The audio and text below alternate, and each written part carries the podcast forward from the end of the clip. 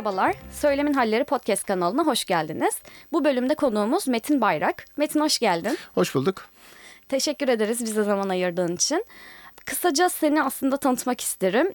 Çok basit tek kelimeyle seni felsefeci olarak tanımlayabiliriz belki. Farklı alanlarda çalışıyor olsan da bugün biz seninle e, yanlış düşünme şekillerini, düşünme yanlışlarının nefret söylemiyle nasıl bir ilişkisi olduğunu, nefret söyleminin üretiminde nasıl bir rol oynadığını konuşacağız. Ben belki girişte sözü hemen sana kısa bir soruyla verebilirim. Düş yanlış düşünme şekilleri derken tam olarak neyden bahsediyoruz? Ee, bu programı tasarlarken de aslında hani bu bölüm aklımıza geldiğinde insanlarda e, söylediğimiz şeyin yanlış düşünme şekilleri ve nefret söylemi dediğimizde herkesin kafasında farklı şeyler çağrıştığını fark ettik. O yüzden belki en başta bunu konuşmak ve o çerçeveyi bugünkü konuşmamızın çerçevesine oturtmak iyi olacak. Evet, e, teşekkür ederim. İki bakımdan teşekkür ederim. İlki ben insanların e, kendi meşreplerince e, hayata dokunabildikleri ölçüde e, anlam kazandıklarına inanıyorum. Yani bir felsefeci olarak da hani böylesi bir e, konu dolayımıyla e, kendi kanaatimi, düşüncelerimi toplumsal bir faydaya tercüme e, etme imkanı verdiğiniz için ayrıca teşekkür ederim. Tabii ikincisi de e, bunun üzerine benim de yeniden düşünmeme olanak sağlamış oldu böylelikle. E, şununla başlayacağım. Hiç kimse bilerek kötülük yapmaz diyor Sokrates. İnsanlar bilmedikleri için kötüdürler. Ve çoğu zaman söz söyleriz fakat söylediğimiz sözün nereye gittiğinin sıklıkla ayırdında olmayız. O nedenle dilimizde böyle kötü konuşan, ne konuştuğunun ayırdında olmayan bir insana şöyle söylenir. Sen ne dediğinin farkında mısın? Sen bu lafın nereye gittiğinin farkında mısın? Senin ağzından çıkanı senin kulağın duyuyor mu? diye böyle çok haklılığın sindiği şekilde artiküle edildiğine tanık oluruz. Bu böyle konuşan insanlara karşı toplumsal bilincimizde eleştirel düşünmenin yeri vardır. Şimdi e, tabii ki sıklıkla e, ne hakkında konuştuğumuzu ihmal ederiz. Sanırız ki hepimiz hakkında konuştuğumuz şeyi düşünüyor. Ne kastettiğimiz açık diye varsayarız. Ama bu varsayım sorunlu. Ben de aynı düşünme yanlışına düşmemek adına nefret söyleminden ne anladığımı, ne hakkında konuşacağımı belirginleştirmek istiyorum. Eğer bu birinci adımı e, ihmal edersek bu bir gömleğin ilk düğmesinin yanlış ediklenmesi gibi bir metaforla ifade edilebilir. Ardından gelen bütün düğmeler artık kaçınılmaz bir biçimde ya da zorunlu bir biçimde yanlış olacaktır. Şimdi nefret söylemi ya da nefrete içkin, nefret taşıyan söz ya da eylemler şu ya da bu biçimde sokağa egemen olmuş ana akım yerleşik kimliğin baskın kimliğin bakışın şu ya da bu biçimde ötekileştirdiği, ayrıştırdığı ve kendi kimliğini konsolide edici bir kaygıyla ırk, cinsiyet, yaş, efendime söyleyeyim renk, ideoloji, din ya da cinsel yönelim gibi konulara dayanarak belirli bir grup ya da kişiye yöneliktir bu. Yani bir hedefi vardır evet. Türkçesiyle e, nefret ifadesi içerir ki buna biz hakaret de diyebiliriz. Hakaret budur zaten yani. Hani, anlatabiliyor muyum?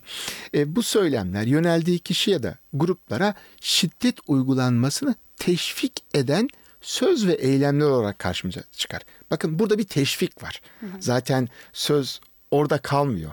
Söz dile geldiği vakit hayata sirayet ediyor. Birileri bunu giyiniyor. Mesela bir yazıda ya da sosyal medya paylaşımında e, kullanılan bir sıfat yargı olabileceği gibi bu nefret söylemi dediğimiz şeyin bazen bir gösteride bir döviz ya da bir etikette de karşımıza çık- çıkabilir. Hayatın hemen hemen her alanında bir küfürde karşımıza çıkabilir. Bir deyimde karşımıza çıkabilir. Gündelik yaşamda yani hani ille de böyle e, e, halka açık bir yerde olması şart değil. Kılcal damarlara dahi e, sızabilir e, bunlar. E, ve dolayısıyla da e, farklı ülkeler farklı şekillerde bunlara dair çeşitli e, yasal düzenlemeler getirebilir. Ama e, nefret söyleri dediğimiz şey bu bu ve ben bununla ilgili düşünme yanlışlarına bugün değineceğim.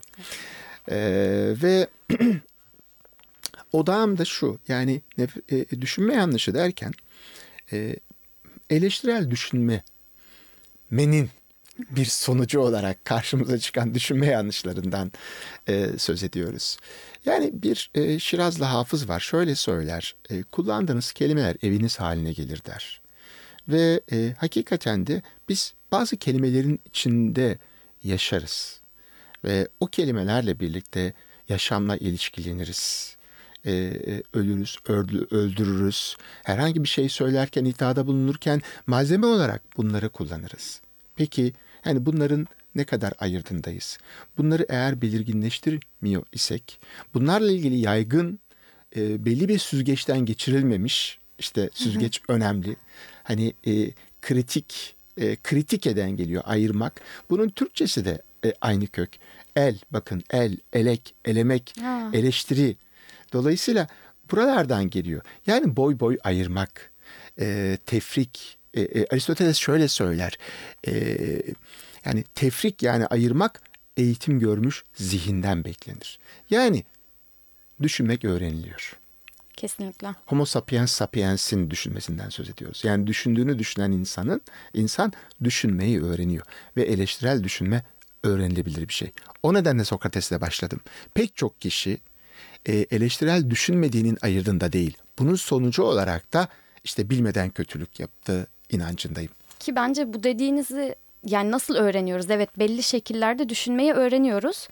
Bu bizim sosyalleşme pratiğimizde oluyor aslında. Dünyaya geldiğimiz andan itibaren okullarda, ailemizde, küçük arkadaş gruplarımızda öğrendiğimiz kelimelerle e, belli gruplara dair fikirler ediniyoruz. Belli gruplarla, belli kişilerle, kimliklerle belli kelimeleri ilişkilendiriyoruz ve onları, o grupları, o kimlikleri, e, o kelimeler, o sıfatlar üzerinden tanımlamaya başlıyoruz herhangi bir noktada sorgulamak istemezsek, orada böyle bir kafamızı kaldırıp o söylediğimizin ne kadar tutarlı, e, o kimlikle ilgili gerçeği yansıttığını düşünmek istemezsek bu da hep böyle devam ediyor. Ben buradan şeye getirmek istiyorum konuyu.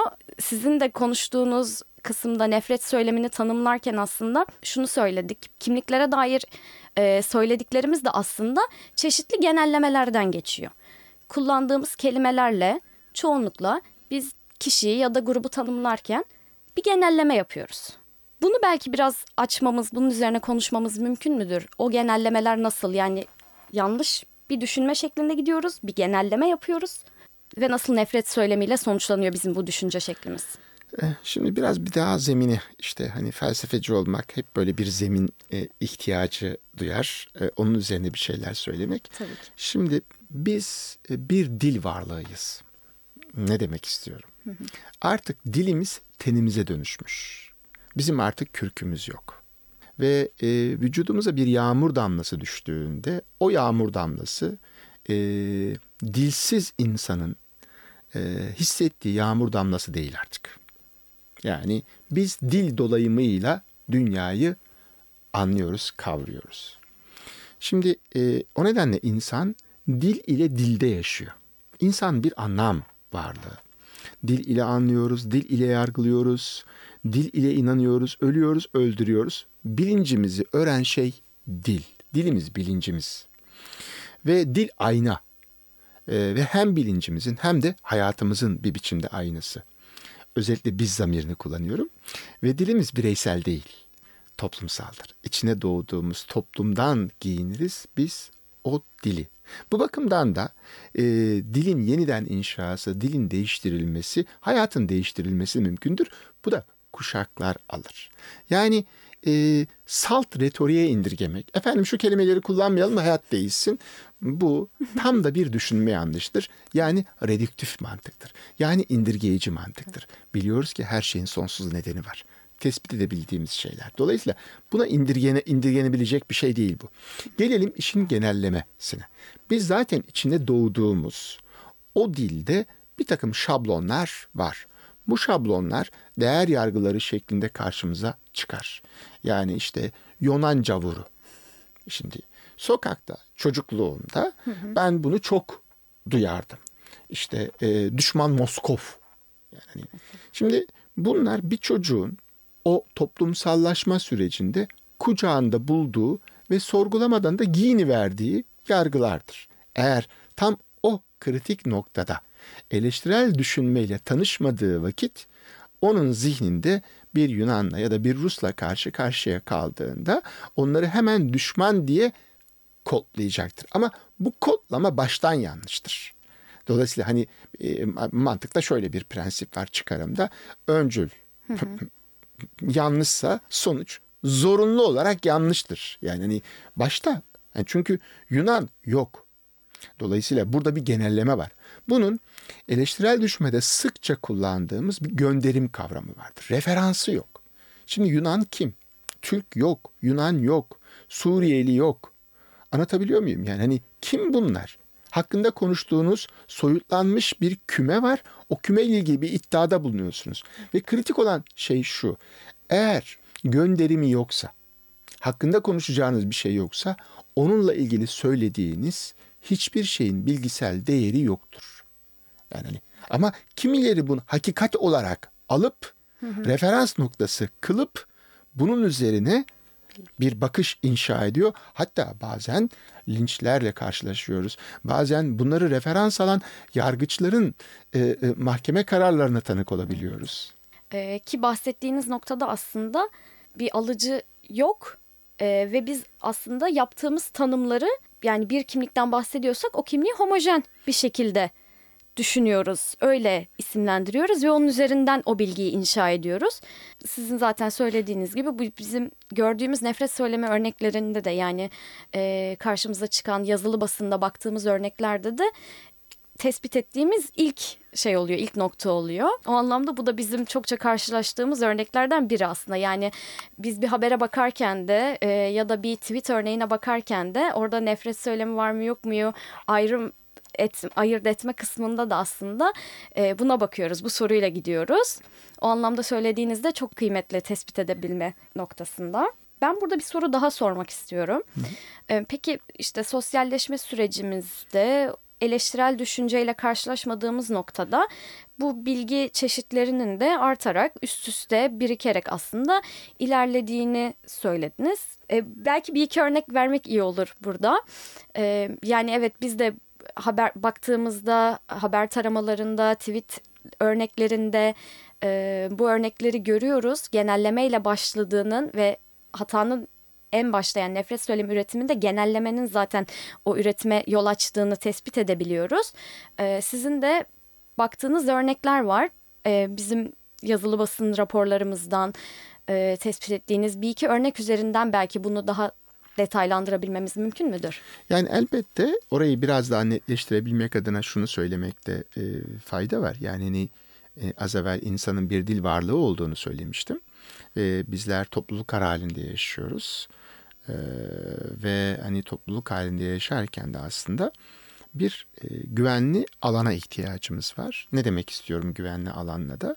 İşte e, dilimizle, e, e, toplumsal değer yargılarıyla, hukukla e, e, göreli bir e, e, harmoniye, uyumun olduğu yerde birlikte yaşam ki ona barış da deniyor biliyorsunuz.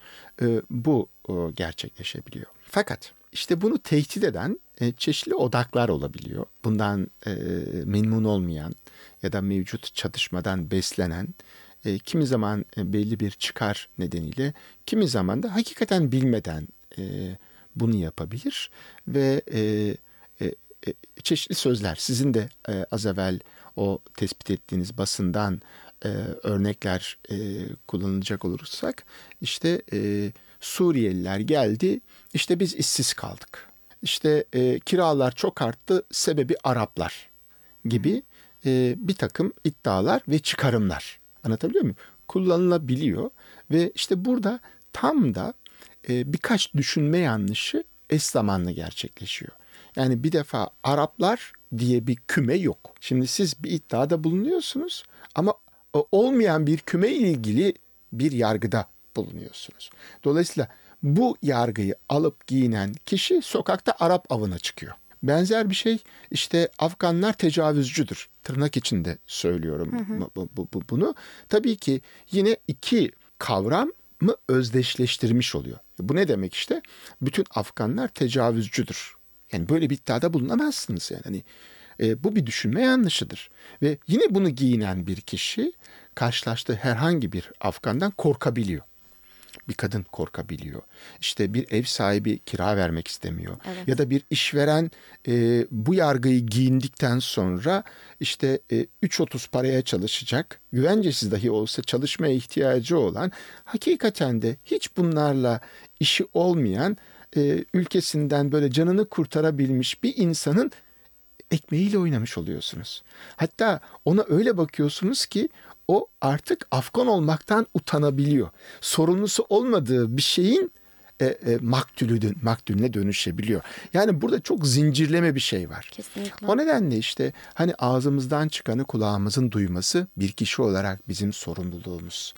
Onu, onu o- onun ayırdığında değilsek zincirleme bir biçimde muazzam e, toplumsal sonuçları olabilecek çeşitli olaylara da e, sebep olabiliyoruz. O nedenle çok nazik bir meseleden söz ediyoruz yani. Söylediklerimiz dilde kalmıyor, söylem boyutunda kalmıyor. Gerçek hayatta da farklı derecelerde de olsa sonuçlarını görebiliyoruz. E, nefret suçuna döndüğü durumlar da olabiliyor.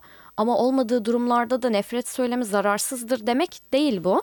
Bahsettiğiniz gibi hangi kimlikten bahsediliyorsa, hangi kimlik hedef alınıyorsa bizim kafamızda o kimliğe ait kişilerle ilgili ön yargıları arttırıyor.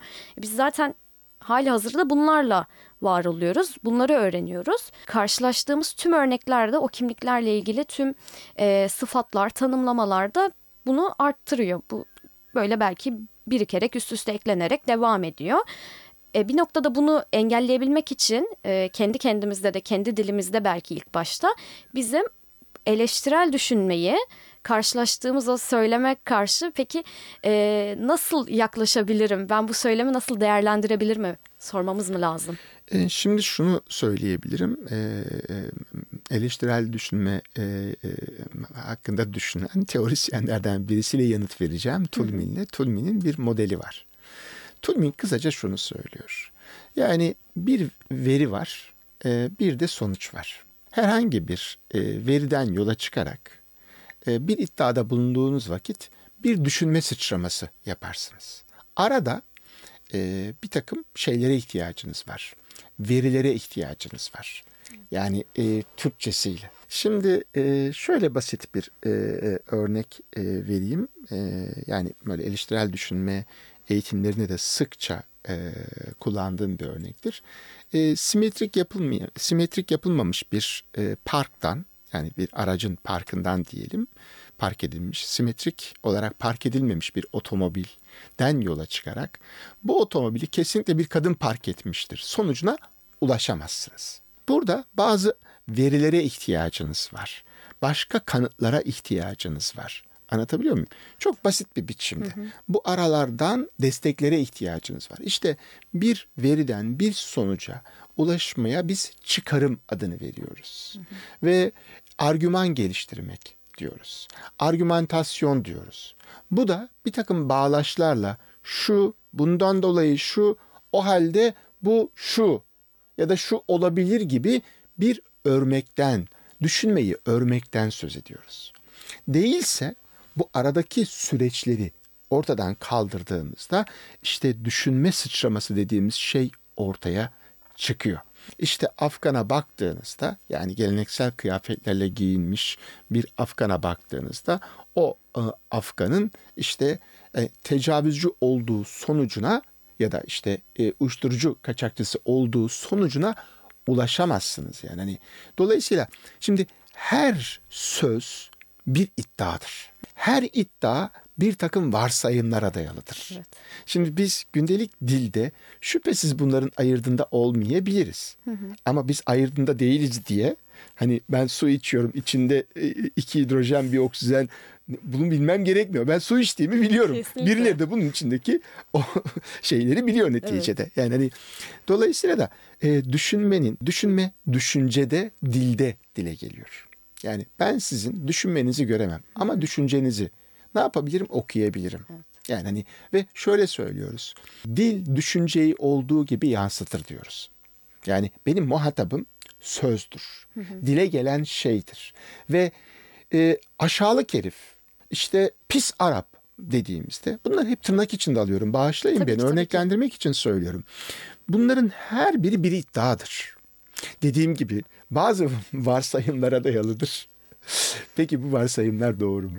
Şüphesiz hayır. Evet. Dolayısıyla bu yargıların da e, çöp olduğu çok çok çok açıktır. Evet. Fakat trajik olan şey şu, e, söz dile geldiği vakit artık herkesindir. Dolaşıma girer ve onu üreten insanların niteliği burada çok kıymetli. Eğer sokakta herhangi birisi bunları söylerse bu işte hani çok ciddiye alınması bir şey değildir. Önemsizdir demiyorum. Fakat kamuya mal olmuş, belli title'ları olan ya da kamusal sorumluluğu olan ya da politik özne, akademik özne gibi geniş anlamıyla kamuya mal olmuş insanların ağzından çıktığı vakit bunun etkisi çok daha büyüktür. O nedenle kimi insanların sözlerini daha çok ölçüp biçerek tartarak söylemek de sorumluluklarıdır. Şimdi çok küçük bir örnek vereceğim. Ee, yine eğitimlerde sıkça kullandığım şeylerden biridir. Ee, yakın zamanda Diyanet İşleri Başkanı ki bir teoloji profesörüdür kendisi biliyorsunuz. İyi insan Müslümandır dedi. Şimdi bakın bu bir düşünme yanlış.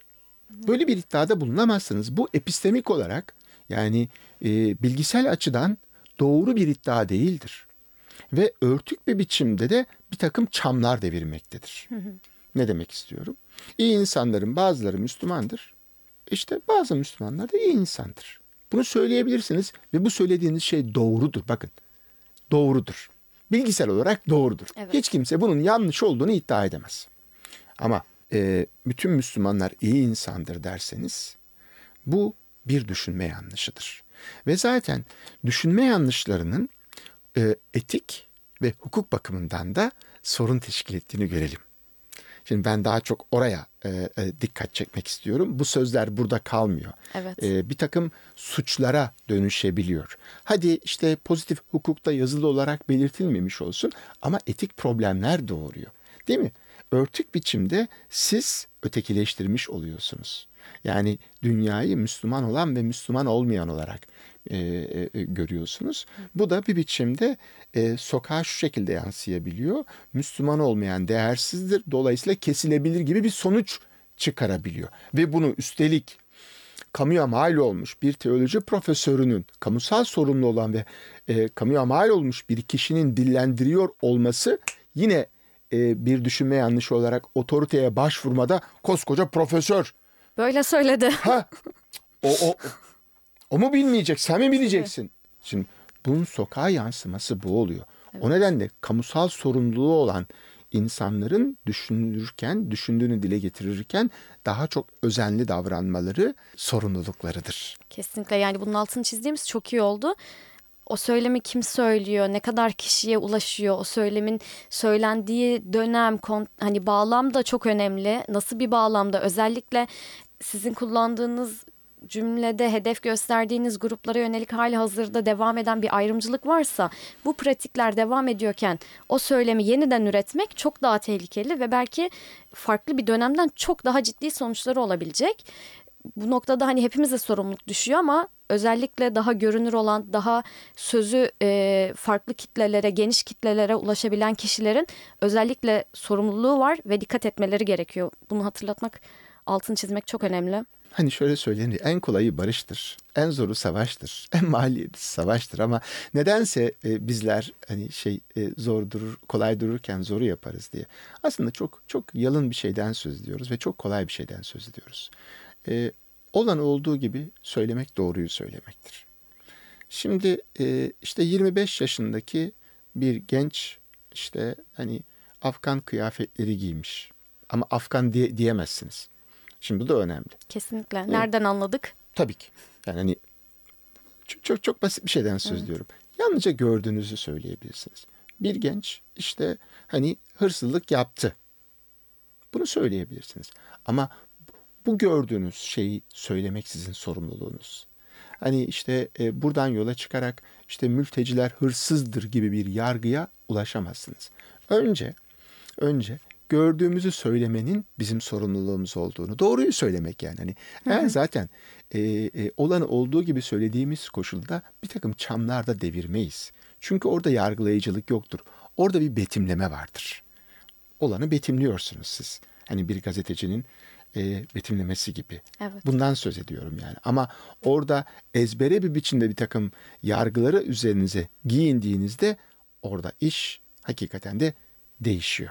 Bizim konuştuğumuz örnekler görece daha anlaşılabilir, e, çözümlemesi görece kolay örnekler olabilir. Ama şunu da biliyoruz, e, bu nefret söyleminin yeniden üretilmesinde de bizim çok fazla karşımıza çıkıyor. E, kişiler mesela bir haberi aktaran bir gazeteci olabilir. Nefret söylemi içeren bir cümleyi kullanan farklı biri olabilir. Yeniden üretirken o söyleme eleştirel bir şekilde bakmadığı, o söylemde ne olduğunu düşünmediği ya da gözden kaçırdığı için yeniden üretilmesine aslında katkı sağlıyor. Tekrar tekrar biz o söylem örnekleriyle karşılaşıyoruz. Ee, burada evet bir sorumluluğumuz var ama bunun tespit edilemediği durumlarda önerilerimiz ne olabilir? Yani oradaki e, niyetin niyetten bağımsız bir şekilde aslında sonuç önemli. Sonuçta yine nefret söylemi üretilmiş oluyor. Hani burada yanlış anlaşılsın da istemiyorum. Onu belirtmekte fayda var. Ama farklılıklar olabiliyor. Tespit etme konusunda o kişi eksik kalmış olabiliyor. Ne önerebiliriz burada? Yani aslında e, bu bölümü kaydetmeden önce de hani sizinle konuştuktan sonra bir de İdil Hoca ile konuştum. İdil Engin Deniz'le. Ona da buradan selam söylemek de Evet. e, iyi olur. İdil Hoca ile konuşurken onun da aslında bir sorusu oldu. Bize e, şunu hatırlattı. Biz nefret söylemini nasıl tespit ede- edebiliriz kısmında kullandığımız ufak bir testten bahsetti. Onu hatırlattı. E, mesela bir yerde bir cümlede bir haber başlığında olabilir. Nefret söylemi ayrımcı söylem var mı? Nasıl ayırt edebiliriz? sorusuna biz şunu söylüyoruz. Siz o haberde geçen kimliğin, hedef alınan kimliğin yerine kendinizi koyduğunuzda bir okuyucu olarak nasıl hissediyorsunuz? Oradaki kimliğe nasıl yaklaşıldığını, kimliğin nasıl hedef alındığını değerlendirdiğinizde nasıl hissediyorsunuz gibi bir soru soruyoruz ve onun dışında eğer bunu sorduktan sonra sizin düşünme aşamanızda rahatsızlık duyuyorsanız, orada olumsuz bir şey olduğunu fark ediyorsanız, hissediyorsunuz. Orada muhtemelen ayrımcı söylem ya da bir nefret söylemi var diyoruz. Buna benzer bir soruyla yaklaşabilir miyiz karşılaştığımız örneklere? Onu sormak istiyorum. Ee, tabii ben bu e, sorunuza e, felsefeci kimliğimle ya da felsefeci şapkamla yaklaşabilirim. Her şeyin hani Grekler sonsuzluk her yerdedir der. Her olgunun e, sonsuz yüzü vardır. Her birimiz başka bir yüzüne bakar. Onunla ilgili şey konuşuruz. E, zaten bu da bir düşünme yanlışı. tek boyutlu yani hani bir fenomeni, bir olguyu ya da bir kavramı tek boyutlu düşünmek de bir düşünme yanlıştır. Kesinlikle. O sonsuz yüze sahiptir. Ben e, bu yüzlerden yalnızca e, biriyle ilgili konuşabilirim ya da bir perspektifle ona bakabilirim. O yüze de bir perspektifle bakabilirim. Birden çok da perspektif var neticede. Evet. Safi retorik olduğu gibi düşünmeyin lütfen. Şunu söylemeye çalışıyorum. Birisi bir şey söylediği vakit ona bunu nereden biliyorsun diye sormak. Bir iddiada bulunuyor. Ee, bunu nasıl temellendirebilirsin? Bu iddianı nasıl gerekçelendirebilirsin? Kanıtın var mı? Bir somut örnek verebilir misin diye bir dizi soru seti. Şimdi bu soru seti e, aslında özgürleştiricidir. E, o iddiada bulunan kişi hakikaten hiç düşünmeden e, o iddiaya giyinmiş olabilir. Onun celladına dönüşmüş olabilir. Yani o iddiayı dolaşıma e, e, sokan kişinin ya da grubun celladına dönüşmüş olabilir. Bu soru e, hem ilişkiyi hem ilişkinin taraflarını hem de hey, sokağa özgürleştirici niteliktedir. Çok basit bir şey. Yani nasıl böyle bir iddiada bulunabilirsin? Yani bütün Araplar pistir iddiasına nasıl böyle bir iddiada bulunabilirsin? Bu iddianı nasıl doğrularsın? Bir doğrulama ilişkisine davet etmek. Yani onu düşünmeye davet etmek. Yani onu özgürleşmeye, onu cellat olmaktan e, e, e, kurtaracak kapıyı aralamaya. Bir biçimde oyun yargılar, başkalarının yargılarını giyindiğimiz her baş, e, e, yargı bizim bir prangamıza dönüşüyor. Evet. Anlatabiliyor muyum? E, buna davet etmek belki. İşte burada da kişi kişi ilişkisi kurmak sıklıkla ihmal edebiliyoruz. Bakın bu da bir düşünme yanlışıdır. Ad hominem dediğimiz şey e, kişiliğe saldırıdır. Ve bir e, düşünceyle o düşünceyi dile getiren kişiyi sıklıkla ayıramayız, ayırmayız. Ve o nedenle birisini ni, ni kritik ettiğimizde e, sen bana ne demek istiyorsun diye böyle bir bağırmak e, e, eğilimindedir. Sana değil, sana bir kişi olarak saygı duyuyorum. Ben bir kişiyim ve benim ödevim e, her bir kişiye saygıyla yaklaşmak benim ödevimdir. Saygı görmek de benim hakkımdır. E, anlatabiliyor muyum? Ama senin düşüncen zırva. Doğru değil. Çünkü düşünceler saygı konusu olamaz. Düşünceler bilgi konusudur. Zırva olanlar vardır. Yerli, yersiz, temelsiz düşünceler vardır. İşte bu temelsiz düşünceler nefret söyleminin e, altlığı olur. Orada sörf yaparlar.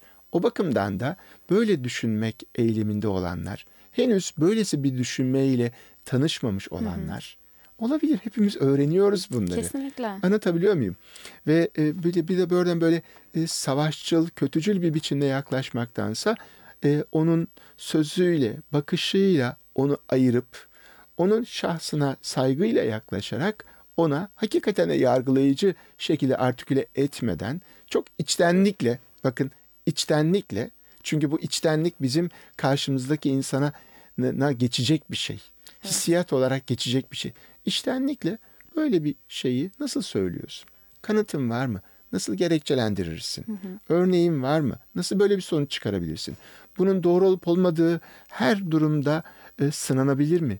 Hı? Gibi bir Kesinlikle. dizi soru o o esnada muhtemelen onunla ilgili ilk defa düşünmeye başlayacaktır. Evet ve büyük bir aslında alan açacak belki de. Evet. Yani bu soruları soran kim olursa olsun o kişi için ki bunları sokakta karşılaştığımız birine de yöneltebiliriz bu soruları. Bir haber başlığı okuduğumuzda o haber başlığına da sorabiliriz ya da Twitter'da bir tweet okuduğumuzda bu yine bu soruları yöneltebiliriz aslında.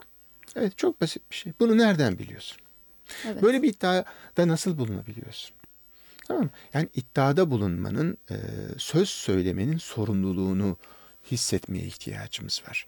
Eğer bunu hissetmiyorsak işte ben bu yüzden de şey diyorum yani cellat metaforunu sıkça bu tür durumlarda kullanıyorum. Dolaşımdaki böyle değer yargılarını henüz sınanmamış, doğrulanmamış ve tabii ki e, çeşitli e, e, epistemik ve etik ve hukuki ve politik sorunlar yaratan bakışların sorgulanmaksızın kullanılmasından söz ediyorum.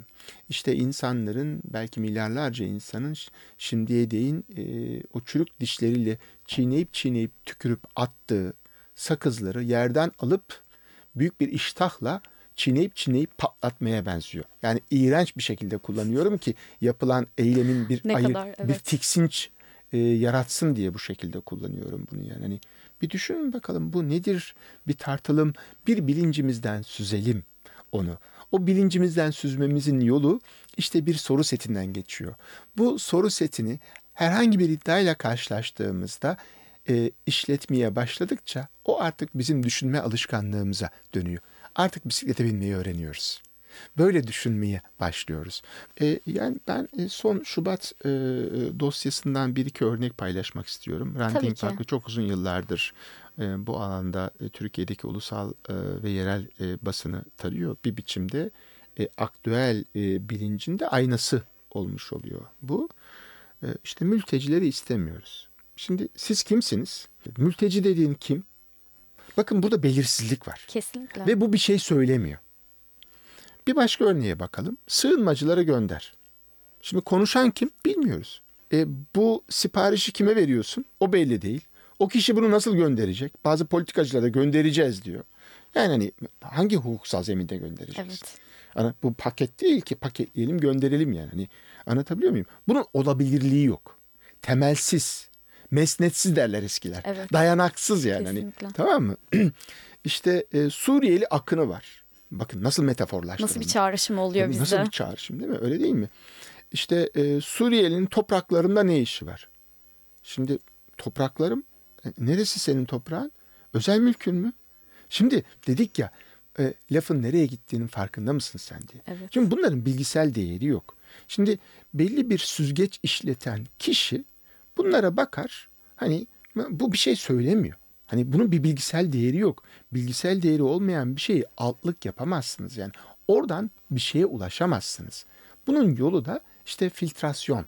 O soru seti, o e, sordukça da o bizim bir düşünme şeklimize dönüşecek. Şimdi bu mültecilere yönelik, göçmenlere yönelik hani e, işte daha çokça hani ötekiye yönelik diyelim. Hani saz arkadaşlarını saymayalım. Kesinlikle. T- e, ötekiye yönelik diyelim. Anlatabiliyor muyum? Yani hani referans kimliğe e, aykırılık teşkil e, e, edenlere yönelik bu yanlış bilgilerin diyelim. Yani hani yanlış. Evet. Yani bilgi felsefesi açısından, bilgisel açıdan yanlış, Yanlış. diyorum. Ahlaki açıdan değil. Ön yargıların, ayrımcılığın ve şiddet dilinin üretildiği ve e, e, yaygınlaştırıldığı görülmekte. Basın vesaire dolayımıyla daha çok yaygınlaşıyor bu. E, tabii ki şimdi bu fake news, e, işte e, hakikat e, e, timsilik post truth'u ben hakikat timsilik diyorum. Bu dönemde artık herkesin içerik üretmeye başladığı yani sosyal medyada olanları kastediyorum. Evet. Herkes derken onu kastediyorum. Kullanıcılar İşte doğrudan. basın, sosyal medya dolayımıyla da bunlar yaygınlaşıyor. Tabii özellikle basının daha büyük bir etkisi var hala. Bu ve benzeri sorunlu söylemlerin yerleşmesine, e, dolaşımda kalmasına ama daha da önemlisi giyilen bir bakışa e, dönüşmesinin etkisi çok. E, dolaşımda ve yaygın olduğundan kuşku duyulmadan bunları biz içselleştirebiliyoruz. Ve artık bizim bilincimize, bakışımıza, kavrayışımıza, yargılayışımıza dönüşebiliyor. Ve tabii ki bu da sokağa yani hayatımıza egemen oluyor. İşte bu hayatsa barışı, birlikte yaşamı da her zaman tehdit ediyor. E, tabii ki ben indirgeyerek kavra, ka- e, ka- kavramanın da bir düşünme yanlışı olduğunu söylemiştim. Bunun yani muradımız olan o e, barışçıl e, ortamı pek çok e, sağlamak için pek çok şeye ihtiyacımız var. Bunlardan birinin de ben eleştirel düşünme olduğu kanaatindeyim. E, bizim kişileşme yolculuğumuzun çok önemli bir değişkeni olduğu kanaatindeyim. hepimizin burada sorumluluk üstlenmesi gerektiğini ve aslında hepimizin gayret ederek bu pratiği oturtabileceğini söyleyerek belki programı sonlandırabiliriz. Ölçüp tartmak, e, sözümüzün nereye gittiğinin hesabını vermek. Yani e, Gazali şunu söylüyor. Yani söz senin esirindir diyor ama e, sözü e, dile getirdiğin vakit sen onun esirisindir diyor. Bağlayıcılığı vardır sözün. Yani bir anlatabiliyor muyum yani? Hani Söylediklerimizden de sorumluyuz aynı E, şekilde. e, e, tabii ki, tabii ki söylediklerimizden sorumluyuz. Söylediklerimizi giyinip bir biçimde onunla iş görenlerin eyleminden de belli ölçülerde sorumluluğumuz var. Hukuksal olarak hani bu tespit edilemeyebilir ama etik olarak sorumluluğumuz yok denemez yani. Hani Evet. Yaşadığımız hayatta insanlarla kurduğumuz iletişimde ama kesinlikle ki etkilerini sonuçlarını da görebiliyoruz. Düşünme yanlışlarının nasıl nefret söylemi üretilmesinde rol oynadığını görmüş olduk. Farklı örnekler üzerinden de hangi soruları sorarak söylem örneklerine yaklaşabileceğimizi ve düşünme pratiğimizi nasıl değiştirebileceğimizi konuştuk. Ee, belki bu soruları da karşılaştığımız farklı söylemlerde yani bu günlük hayatta karşılaştığımız bir söylem olabilir, okuduğumuz bir haber olabilir, Twitter'da gördüğümüz bir tweet olabilir. Bu söylemlere sordukça aynı soruları tekrar tekrar kendi düşünme pratiklerimizde de değişiklik yaratabiliriz aslında. Ee, yine burada bu ilişkinin altını çizmek çok kıymetli ve hepimize rol düşüyor diyerek sonlandırabiliriz galiba programı. evet teşekkür ederim. Biz de çok teşekkür ederiz bu bölüme geldiğiniz için, konuk olduğunuz için. Bir sonraki bölümde görüşmek dileğiyle diyelim. Bu arada eğer sorularınız, önerileriniz olursa bize podcast.hrantling.org mail adresinden de ulaşabilirsiniz. Bir sonraki bölümde görüşmek dileğiyle. Hoşçakalın. Hoşçakalın, sevgiyle barışla kalın.